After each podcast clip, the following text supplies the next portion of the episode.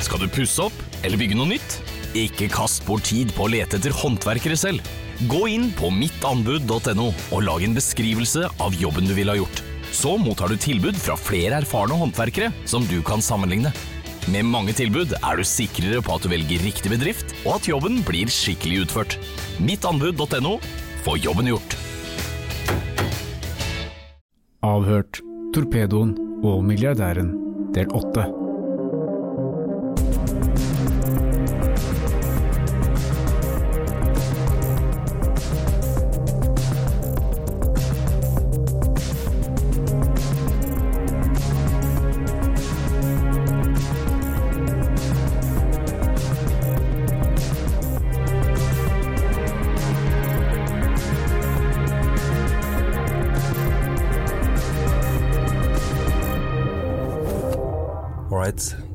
Tilbake. Ett år etter vi var sist. Eller ikke sist, da, vi har vært på besøk én gang.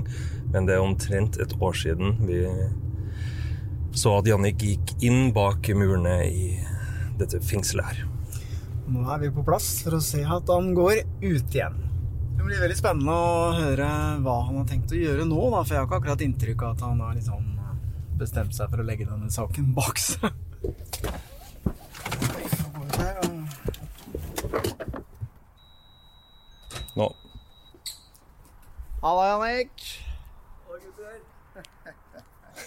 Hei. Ett år eldre. Ett år eldre.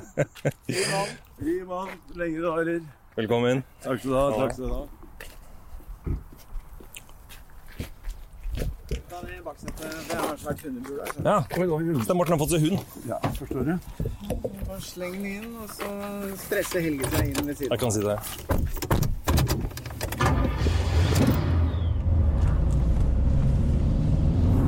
Men Jannik, du være prøveløslatt du nå, ikke sant? Ja. Det er veldig, du kan si at systemet er sånn at så lenge du har eh, Du har oppført deg ordentlig, du har, du har ikke, de har ikke noe de kan ta deg på, og det er så lang, lang tid forrige gang jeg fikk en dom, Ja. så skal jeg, så skal jeg ha to tredjedeler alle dager i uka. Ja, er ikke sånn Nei, nei, nei. Hvis du liksom Hvis jeg hadde vært øh, ikke gjort jobben min, eller, eller eller vært ufin der inne, da, mot de ansatte eller innsatte, og, og der, så kan de dra han inn og si at nei, du må Det sitte er ikke fullt. vilkår nå for løslatelsen din. Det er ikke sånn at du ikke får lov å gå dit. Eller, Nei, nei, det eneste jeg får nå, har jeg, nå har jeg, jeg har øh, jeg meldeplikt i to måneder. Og så er, øh, så er jeg ferdig med mitt. Du, du søkte jo om å, å sone med fotlenke på et tidspunkt. Gjorde du ikke det? Jo. Hva var responsen da? Nei, det var nei med en gang. Hvorfor det? Nei, det vet jeg ikke. De, ja, disse paragrafene har ikke Og den mener at det er pga. vold, og, og dommen var så, var så stygg i, i, i, i seg selv. Jeg, må, jeg, begynner å le, jeg, jeg begynner å le når jeg leser det, det man har skrevet der. Jeg, har jo, har jo lest det, og det sto at det var pga. fornærmede, altså Kjell Inge Røkke, at du utgjorde en såpass stor fare at eh, pga. han så kunne ikke det skje. Ja, så Ja, det vil si Dommen er så stygg, men du har jo ikke lagt en hånd på Kjell Inge Røkke, har du det? Jeg har ikke lagt en hånd jeg ser jo i dommen at du ble dømt for å ha trua med anmelden. ja. Ja, men der ser du. Ja. Der ser du makten. Men eh, det er jo hyggelige ting òg. Jeg traff jo barnebarnet ditt og svigersønnen din, og Ja. hun gleda seg til du skulle komme ut. Ja, det blir veldig koselig. Det blir hyggelig, da. Ja. Ja. Så det er jo Og nå er det jo eit med at jeg, jeg skal ikke tilbake. Nei. Og nå er vi snart hjemme òg. Men så er det med, Jannik. Tror det står en, en frue og venter. Men vent, hør nå. Kan du kjøre meg til en blomsterbutikk? Kjør rett bort der. Jeg skal kjøpe en bukett roser til henne. Så har jeg iallfall gjort det loddet. Ja. Og hun fortjener nå, altså.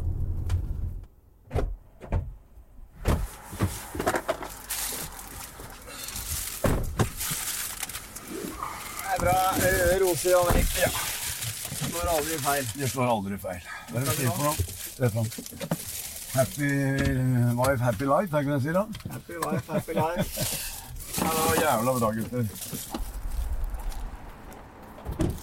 All right. Da er du hjemme. Her henger flagget og masse blomster på balkongen. Åssen er det å være hjemme? Ja, det er fantastisk. Nå er vi tilbake til business. Får vi bare ta det derfra. Det blir spennende å se utviklingen nå. Hvor vi ender. Altså, lenge. Vi, vi snakkes. Ja, takk i like måte. Takk. Yes. Vi snakkes. Ha det.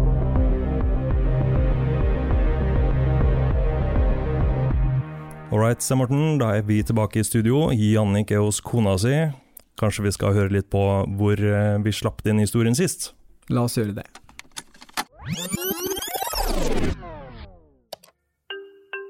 Nei, vet du hva? Det er faktisk Krister Christer Tromsdal. Kødder du? Sånn, da. Hei, Krister. Hei, god dagen. Hei, hvordan går det? Det går bra, vet du. Ja, er du klar for å fortelle din side av historien nå, eller? Ja, denne samtalen, den eh, kom etter at vi hadde hatt en del eh, å gjøre faktisk med Christer Tromsdal, for allerede i juli, da vi jobbet med de første episodene av Torpedoen og Milliardæren, så fikk jo vi en e-post fra Christer Tromsdal hvor han truet med å saksøke oss. Ja, Han var ikke særlig fornøyd med hvordan han selv ble fremstilt i de episodene, og det gikk så langt at uh, Christer han ville gi en slags beskjed til oss, og det gjorde han faktisk gjennom å gjennomføre kredittsjekker av oss og våre firmaer. Ja, og disse kredittsjekkene gjorde han, eh, ifølge han selv, da, fordi at han ønsket å se hvor mye penger han kunne saksøke oss for. Men fakta er jo at han foretok jo da ulovlige kredittsjekker. Og det har faktisk eh, Det er ikke noe strafferamme, men det bøtelegges faktisk fra 100 000 til en million kroner å utføre slike kredittsjekker. Men det er jo ikke bare bare å utføre en sånn kredittsjekk, du må jo ha en lisens for å gjøre det, og du må ha en god grunn. Og en vanlig grunn er jo f.eks. hvis du er en teleoperatør, og så kommer det noen og skal søke om eh, å få et eh, telefonabonnement. Eller søker om et lån. Ja. Men, Men- vi hadde jo ikke søkt om noe lån av Christer Tromsdal. Nei. Nei. Tilsynelatende så var det jo ikke Christer Tromsdal som hadde gjort disse eh, kredittsjekkene på oss Nei, det kom jo fra et firma. i og Drammen. det firmaet det var vi litt nysgjerrige på hvorfor de ønsket å gjøre dette for Christer Tromsdal, og vi begynte jo å grave litt i dette firmaet. Vi fant ut at de holdt til i Drammen, på en boligadresse oppe i åsen der. Mm. Vi var jo der. Vi fikk ikke tak i han, han var jo ikke hjemme, men vi eh, tok noen telefoner, og så kom vi i kontakt med en i hans familie, og han kunne fortelle at eh, denne personen bak dette firmaet satt i fengsel. Han satt i fengsel i Kristiansund, og da er jo spørsmålet hvordan kan en person som sitter i fengsel gjennomføre kredittsjekker, og hvilken link har han til Kristi Tromsdal? Vi mottar jo de her kredittsjekkene på mail fra Krister, noe som vi oppfatter som en sånn trussel, egentlig. Og vi informerer han om at uh, det her er ulovlige kredittsjekker, og at eh, det er en sak som vi kommer til å forfølge videre. Og da ringer han oss opp igjen. Du, jeg har et lite spørsmål til deg, fordi eh, vi har jo prøvd å få tak i han derre Ok. For vi var jo ikke så veldig happy med at han drev og tok eh, kredittsjekker på Ja. ulovlig. Ja. Men du, skal vi ta oss begrave stridsøksene og så begynne på nytt? Ja, men eh, jeg vil bare synes det er litt nysgjerrig. Vi har prøvd å få tak i han, skjønner du. Nå fikk vi beskjed om at han sitter i fengsel i Kristiansund. Ja, ja, det stemmer det. Ja, det stemmer det.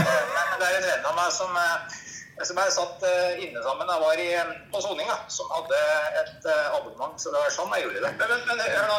Alle skjønner at det er noe som ikke tåler dagens lys her. Det er jo ingen tvil om. Ja.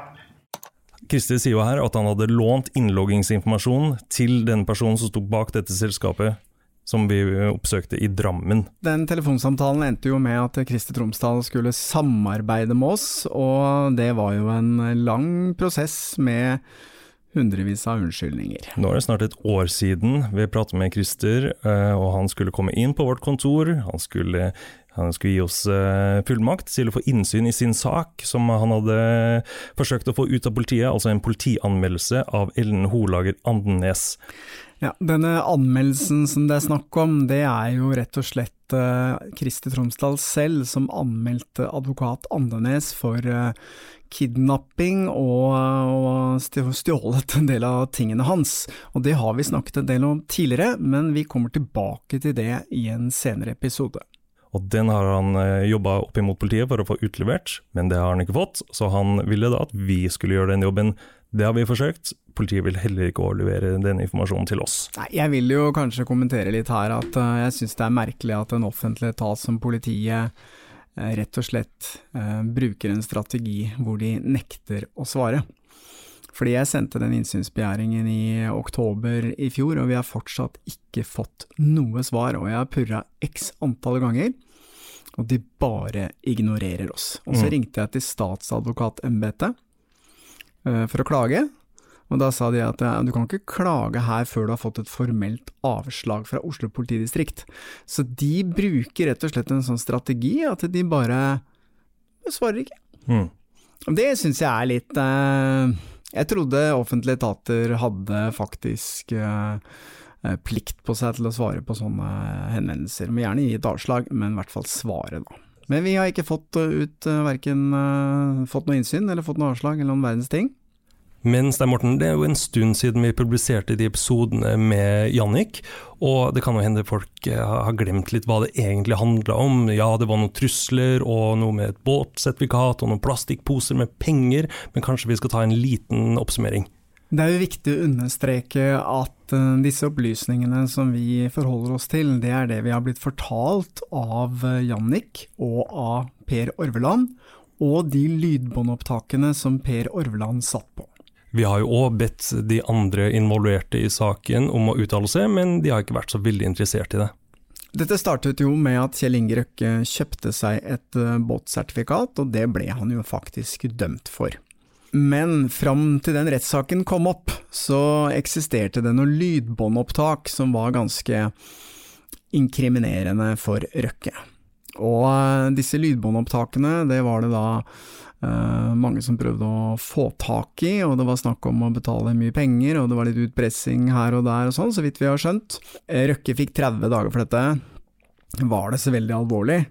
Men det man må ha i bakhodet, at eh, da denne saken eh, pågikk, fram mot rettssaken, så trengte Røkke å låne 5 milliarder kroner av DNB. Og det var dissens i styret. Det var ikke sikkert at han skulle få det lånet, for det var en som var uenig i det. Og hvis ikke Røkke hadde fått det lånet, så ville han mest sannsynligvis ha gått konkurs. Og det siste Røkke sannsynligvis trengte oppi denne prosessen med å få dette lånet, det var jo at disse lydbåndopptakene med trusler i forbindelse med båtsertifikatsaken kom ut i offentligheten.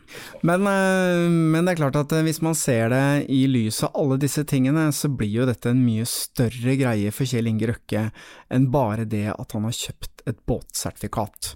Det kan få store konsekvenser, høyst sannsynlig og kanskje føre til at han ikke får dette lånet på fem milliarder kroner. Så ut ifra det vi har blitt fortalt, så er det angivelig da grunnen til at Røkke hyret inn Jannik for å bli kvitt Christer Tromsdal. Mm. Hva var det som var på de opptakene, egentlig? Altså Disse opptakene har det vært skrevet mye om og snakket veldig mye om, vi har jo aldri hørt dem. Men eh, vi vet i hvert fall at det er et opptak mellom butleren til Kjell Inge Røkke og uh, Erik Øie, som var den personen som solgte disse båtsertifikatene. Mm. Og de prater jo om pris. eh, Han skal visstnok ha betalt 100 000 for sitt sertifikat, Røkke. Det vi har fått høre er at eh, det var litt sånn forskjellige priser. Prisen gikk opp underveis i den eh, eh, sertifikatsalgsprosessen som eh, foregikk nede på Aker Brygge. I begynnelsen så tok de 30 000, og etter hvert så ble det 100 000 kroner. Så Mm. man må ha kommet litt seint inn i det, sannsynligvis. Sannsynligvis.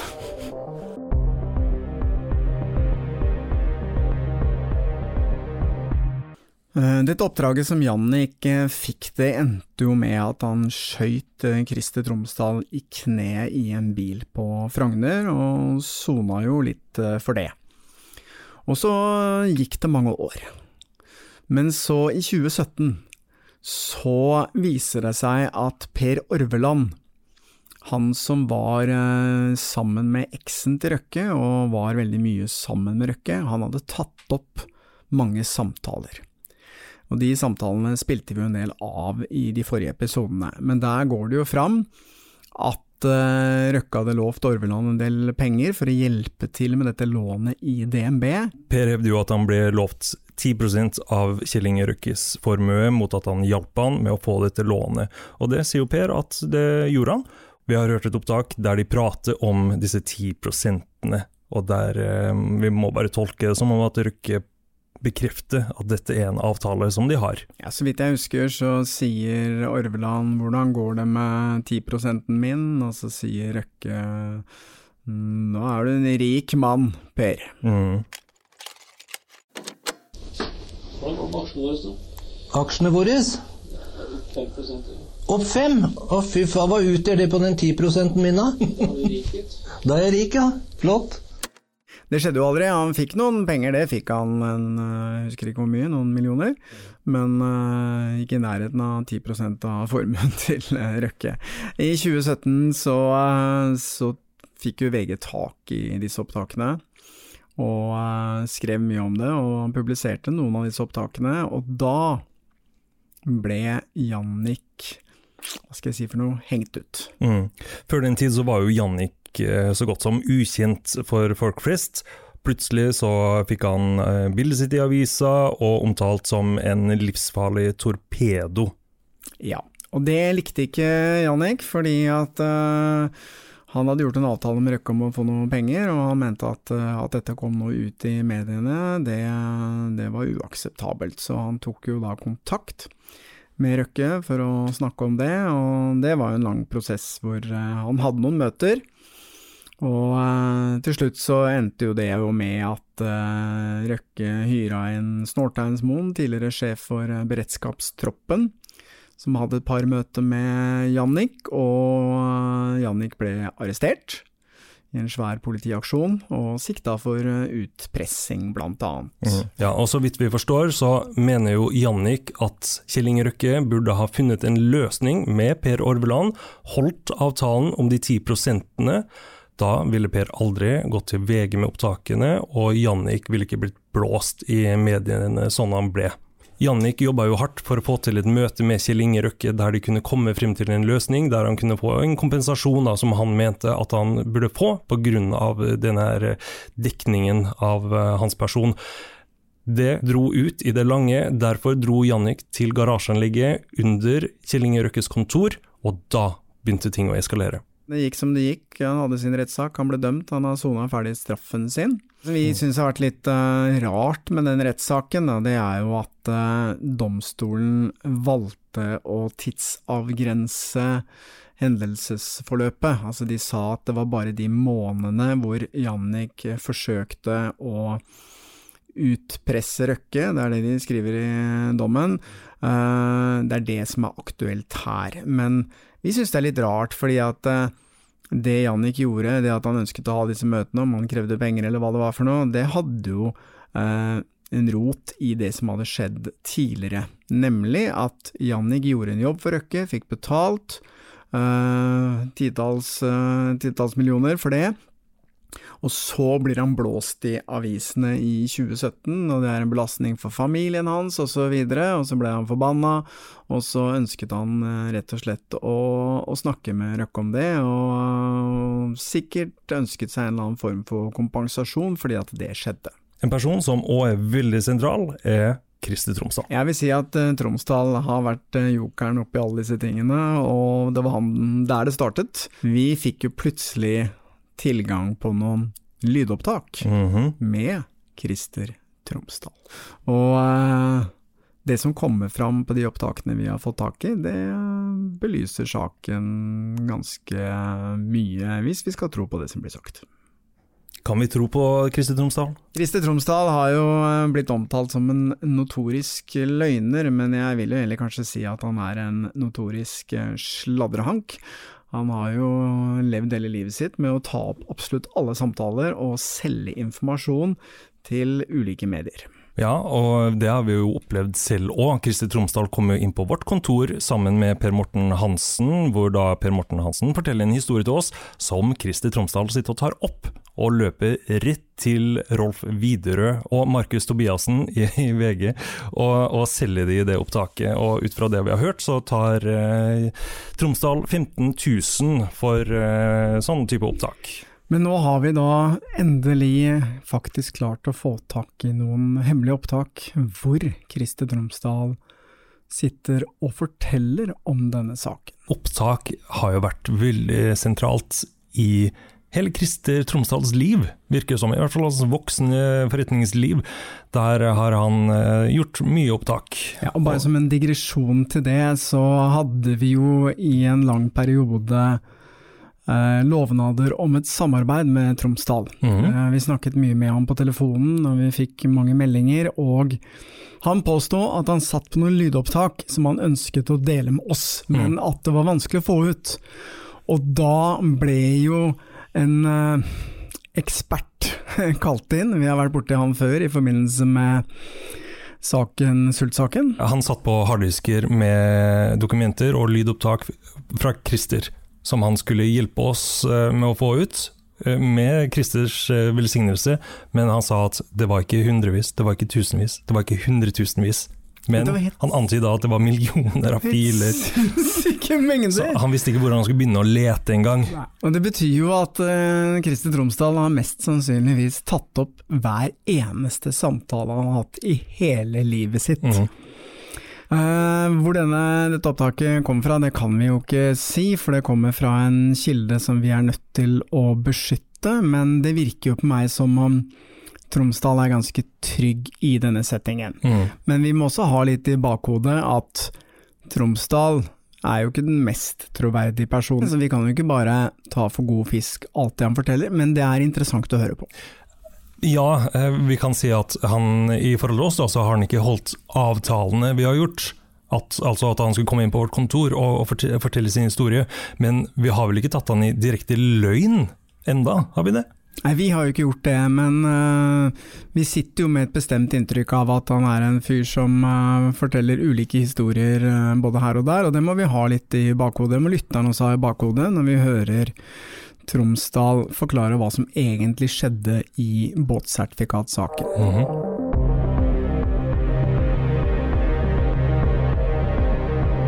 Som tidligere nevnt så syns jo vi at det er litt rart at uh, saken mellom Jannik og Røkke ble avgrensa til en tremånedersperiode.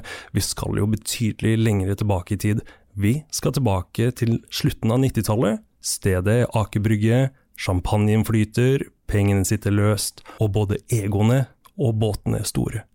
Og de båtene de skulle kjøpes inn, og man skulle gjerne ha en tillatelse til å føre de òg. Og der var det et eh, spesielt firma nede på Aker Brygge som kunne bistå med alt.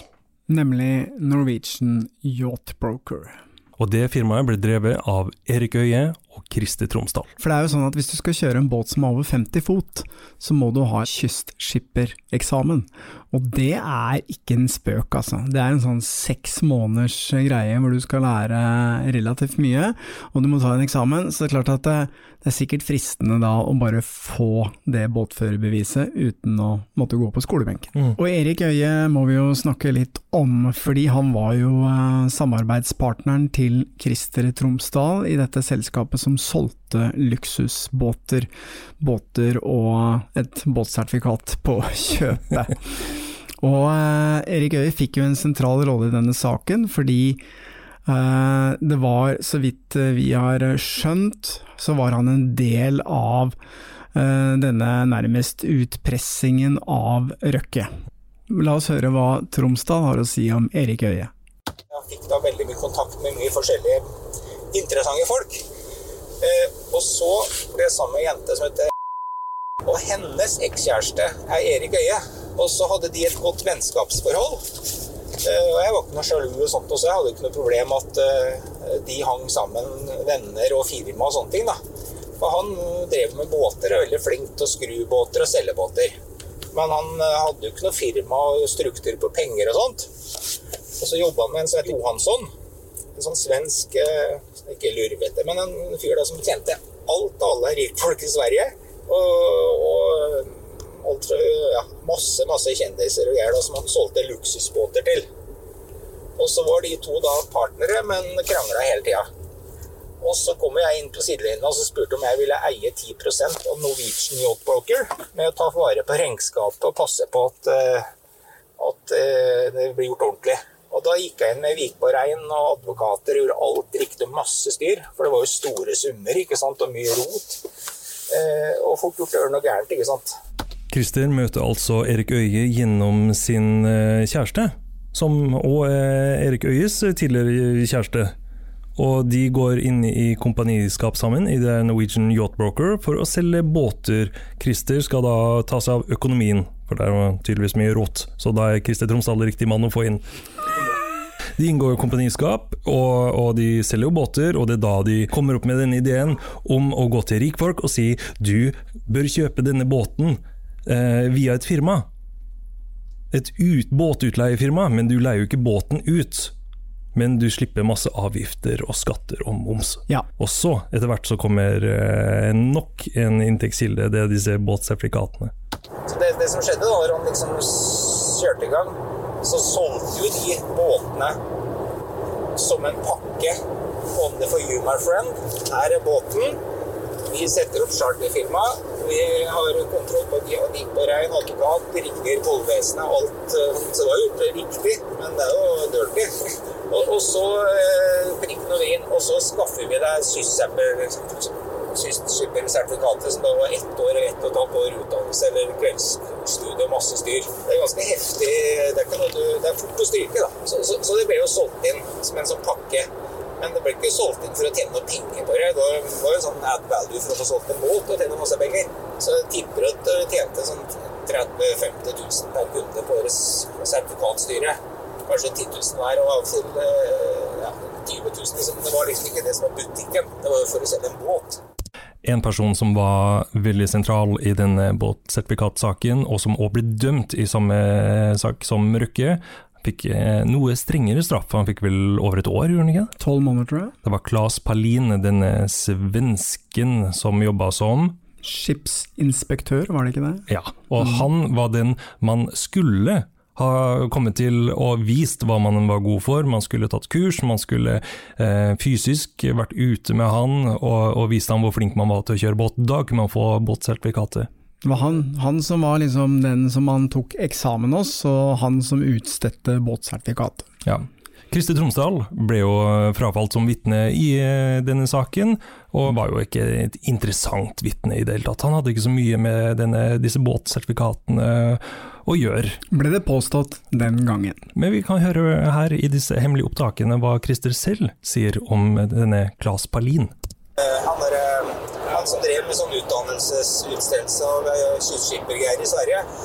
Eh, Så, så det her er altså Før jeg kom inn i systemet deres, da, så, så hadde han drevet og levert uh, falske sertifikat til alle kjendiser i Sverige. Så jeg var jo med i Sverige på sånn Vi hadde masse Vi, hadde, vi kjøpte masse eiendommer og styra i tillegg til drev med båtgreiene, så jeg var jo mye i Sverige og, og møtte jo Palin mange ganger. og Liksom, det var jo aldri noe at noen tenkte på det der, så er det ulovlig. For det så jo liksom Donald Duck ut det blå sertifikatet. Men innerst inne så skjønte alt det her bare rør. Ok. Um, Setupen her er jo at uh, Erik Øie drev dette skipsmeglerfirmaet sitt og solgte båter. Og her det høres ut som dette var en sånn tilleggstjeneste som de kunne tilby. Ja, du kan kjøpe den 60-foteren her, og eh, ikke minst, du kan få med et sertifikat på kjøpet. Ja, det var jo det som var eh, forretningsideen, og da hadde denne svenske Claes Palin med på laget, så var jo det enkelt. Uh, som vi hører Tromsdal sier her, så var det ikke noe spøk å få det sertifikatet. Sånn at det ville jo sikkert vært en barriere for om du gadd å kjøpe en så stor båt. Og da sa de bare jo ok, men kjøpe denne båten, og så setter vi opp et charterfirma. Og det charterfirmaet var jo rett og slett en sånn skattehull i skattelovgivningen. At hvis du leide ut båten din, så, så slapp du unna med en del skatt. Og så, prikken over i-en, du får med sertifikatet sånn at du kan kjøre denne båten. Ja, og eh, Christer forteller jo her at han var i Sverige og møtte Palin, og møtte flere svenske kjendiser. Så det her er jo åpenbart at dette var liksom en, en vanlig greie i Sverige. Det her hadde han Palin drevet med i årevis, og nå ble det tatt ned til Aker Brygge i Oslo. Og ja, Da er det jo også veldig interessant når vi hører eh, Tromsdal fortelle dette, at eh, hvorfor i all verden var han uinteressant i rettssaken? Det er jo han som er med på å initiere hele greia, som møter Palin i Sverige, får han ned på Aker Brygge, og en del av denne businessen sammen med Erik Øye, hvor de selger båter med båtsertifikat. Kjell Inge Røkkes advokat, Ellen Holager Andenes, gikk jo til aktor i båtsertifikatsaken dagen før Christer skulle vitne, og de sammen ble enige om at Christer var ikke noe viktig vitne. Veldig Har noe, han har jo ikke noe å tilføre denne saken. Skal vi høre videre? Men, men det de forretningsfilosofien var litt spesiell, for at eh, advokatfirmaet fant ut at eh, det var et smutthull i lovverket. Så hvis en rik mann da, ville ha en båt til 10 millioner, så kunne han heller lage seg et båtcharterfirma. Og så importerte han den båten og fikk igjen momsen og slapp å betale HK-avgift. Og slapp å bli skattegjeld privat. Man måtte bare passe på, sånn som næringsdrivende, så er det ofte krav og egenskapsførelse at du må ha tre kunder minimum. Så da eh, fakturerte jeg og en kamerat var leid båten. Og så, så plutselig så hadde jo 50 utleiefirmaer i Oslofjorden, vet du. Ja, 50 utleiefirmaer minst uh, ute i Oslofjorden her, med rikfolk som uh, kunne tilby uh, luksusbåter til utleie, men ingen båter faktisk til utleie. Og alle hadde sikkert fått seg kystskippersertifikat med på kjøpet. Det er jo litt morsomt at dette smutthullet i skattelovgivningen den gangen fikk en sånn type konsekvens. At det var en hel haug med utleiefirmaer som ikke var så veldig interessert i å leie ut noen verdens ting. De skulle bare spare noen skatter og avgifter. Og for, for det er jo en straight setup. Det er som du kjøper noe til firmaet ditt. Det er jo ikke din, og da er det jo momsfradrag og avgifter og alt det der som man slipper unna, for at du skal bruke den til, til utleie. Mm. Til, til å, å, å, lage en forretning da.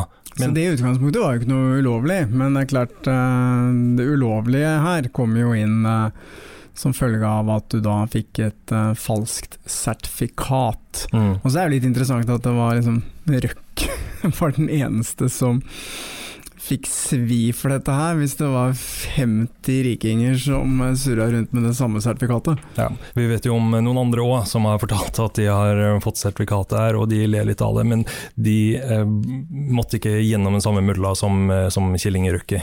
Nei. Altså rettssak om det. Men han klarte selv å lage veldig mye styr. Han klarte det, men jeg sier for seg selv at uh, dette var jo sikkert et veldig fint utpressingspotensial for Christer Tromsdal. At han satt med så mange folk med mye penger som hadde gjort noe ulovlig, og at han kunne dokumentere det. Ja, Det er ren spekulasjoner, det vet vi jo ikke helt ennå, da. Men det får vi se i en senere episode, om det kanskje kommer frem noe sånn informasjon. Ok, skal vi uh, høre videre? Da ender det opp med at uh, Røkke kommer plutselig innom og spør kona mi da, om, uh, om, han kunne fått leid en av de skippergutta mine. det er jo helt sjukt. Da var jo Røkke coming star i høyden. Og da tenkte jo han Han var jo dritflink til å kjøre båt, ikke sant? Og hørte disse fiskerhistoriene i Alaska, hva faen er for noe.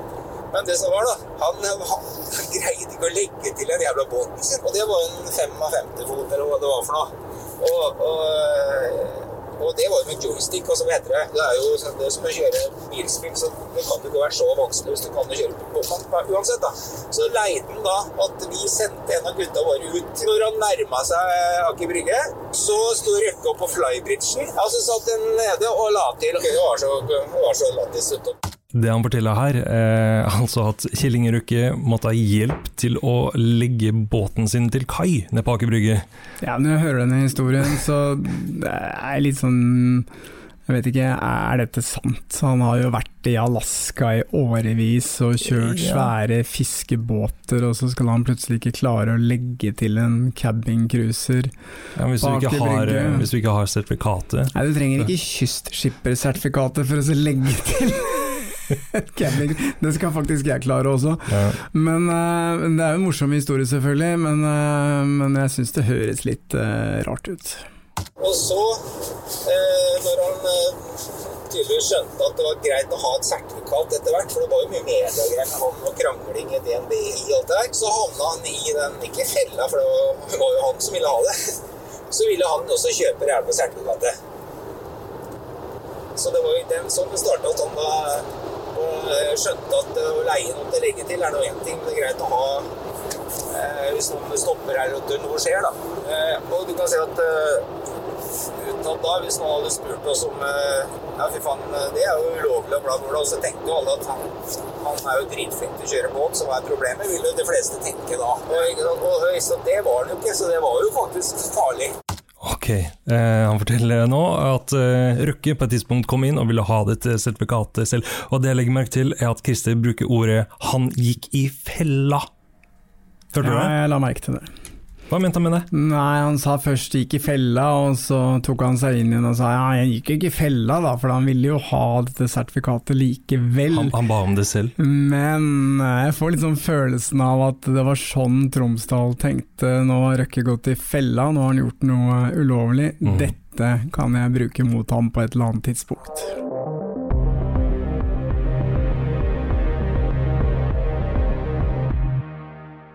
Alright, dette var del én, Stein Morten, men det stopper ikke her. Det kommer mye, mye mer, og i løpet av det siste året her nå, så har det altså kommet så mye ny informasjon i saken som vi skal se nærmere på. Ja, det er jo ikke rent lite heller, som vi har eh, gravd fram. vi skal se en litt nærmere på denne båtmegleren Erik Øye. Han var jo den som ble utpekt som liksom bakmannen til eh, hele båtsertifikatsaken. Ja, han som tok opptakene og som eh, skapte alt dette her med Røkke. Vi skal se nærmere på Christer Tromsdal sin rolle, fordi det ser ut som han har hatt en mye større rolle enn det han har hevdet tidligere. Vi har fått tak i noen politiavhør, mm -hmm. som vi skal uh, se litt nærmere på. Det er en tur til uh, Dubai, og uh, ikke minst skal vi få Jannik inn i studio igjen for å svare på en del av de tingene vi lurer på. Og det dukker òg opp en annen meget kjent milliardær i denne saken. Følg med.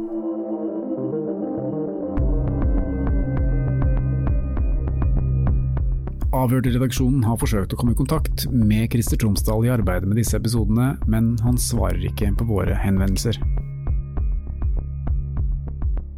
Avhørt er produsert av Batong Media, og all musikk er laget av Georg Roås. For å komme i kontakt med oss, gå inn på Facebook-siden Batong Media. Hvis du vil høre flere eksklusive episoder av Avhørt, så gå inn på podme.no, eller last ned appen Podme.